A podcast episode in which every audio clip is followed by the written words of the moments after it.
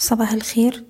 الرؤية الفنية لشركة الأهلي فاروس لتداول الأوراق المالية 19 ديسمبر 2021 إحنا شفنا الأسبوع اللي فات عدة محاولات لاختبار مستوى مقاومتنا 11700 ولسه المؤشر مش قادر يتخطى المستوى ده الأعلى حتى الآن.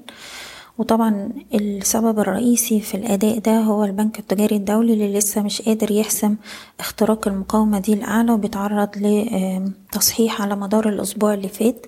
طيب الإندكس دلوقتي لو استمر في عمليات التصحيح هيبقى عندنا منطقة دعم ما بين حداشر ألف وخمسمية حداشر ألف وربعمية.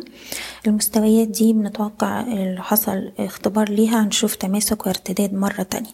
طبعا إحنا محتاجين نشوف تأكيد واضح لاختراق مستوى مقاومتنا حداشر سبعمية عشان نقدر نستهدف مستوى الاتناشر ألف نقطة مرة تانية.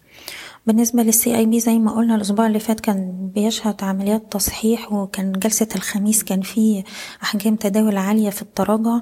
إحنا عندنا دعوم دلوقتي حوالين مستوى واحد وخمسين عشرين والخمسين عشرين ودي المستويات الدعوم بتاعتنا دلوقتي وهتظل رؤيتنا إيجابية على السهم طول ما هو محافظ على مستوى الخمسين جنيه.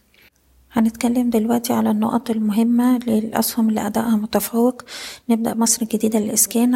السهم بيستهدف مستوى سبعة عشرين سبعة أربعين وهنرفع حماية الأرباح بتاعنا لستة جنيه وتلاتين قرش.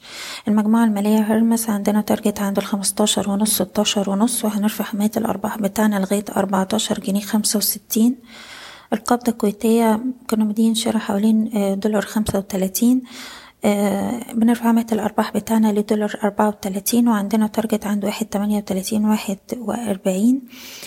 أوراسكوم تنمية السهم بيستهدف ستة جنيه وربع ولو قدر يتخطى المستوى ده هيبقى إشارة قوية جدا وهيستهدف بعد كده سبعة جنيه وعشر قروش.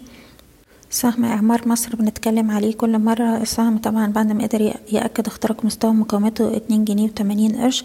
السهم بيستهدف دلوقتي مستويات تلاتة عشرة تلاتة خمستاشر أقرب نقطة مقاومة بالنسبة لنا وبعد كده تلاتة جنيه خمسة وأربعين.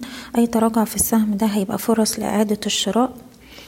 بالنسبة لسهم كريدي أجريكولا السهم لسه بيستهدف مستوى الستة وتلاتين جنيه. وهنرفع حماية الأرباح بتاعنا لأقرب دعم عند التلاتة وتلاتين. بالنسبة لسهم عتاقة نقدر نشتري حوالين جنيه وعشر قروش. شايفين السهم بي target مستوى جنيه عشرين جنيه تلاتين. وأخيرا العربية للشحن والتفريغ نقدر نشتري حوالين مستوى تسعين قرش. شايفين السهم يروح يجرب على مستوى الجنيه والجنيه سبعة. بشكركم بتمنى لكم كل التوفيق.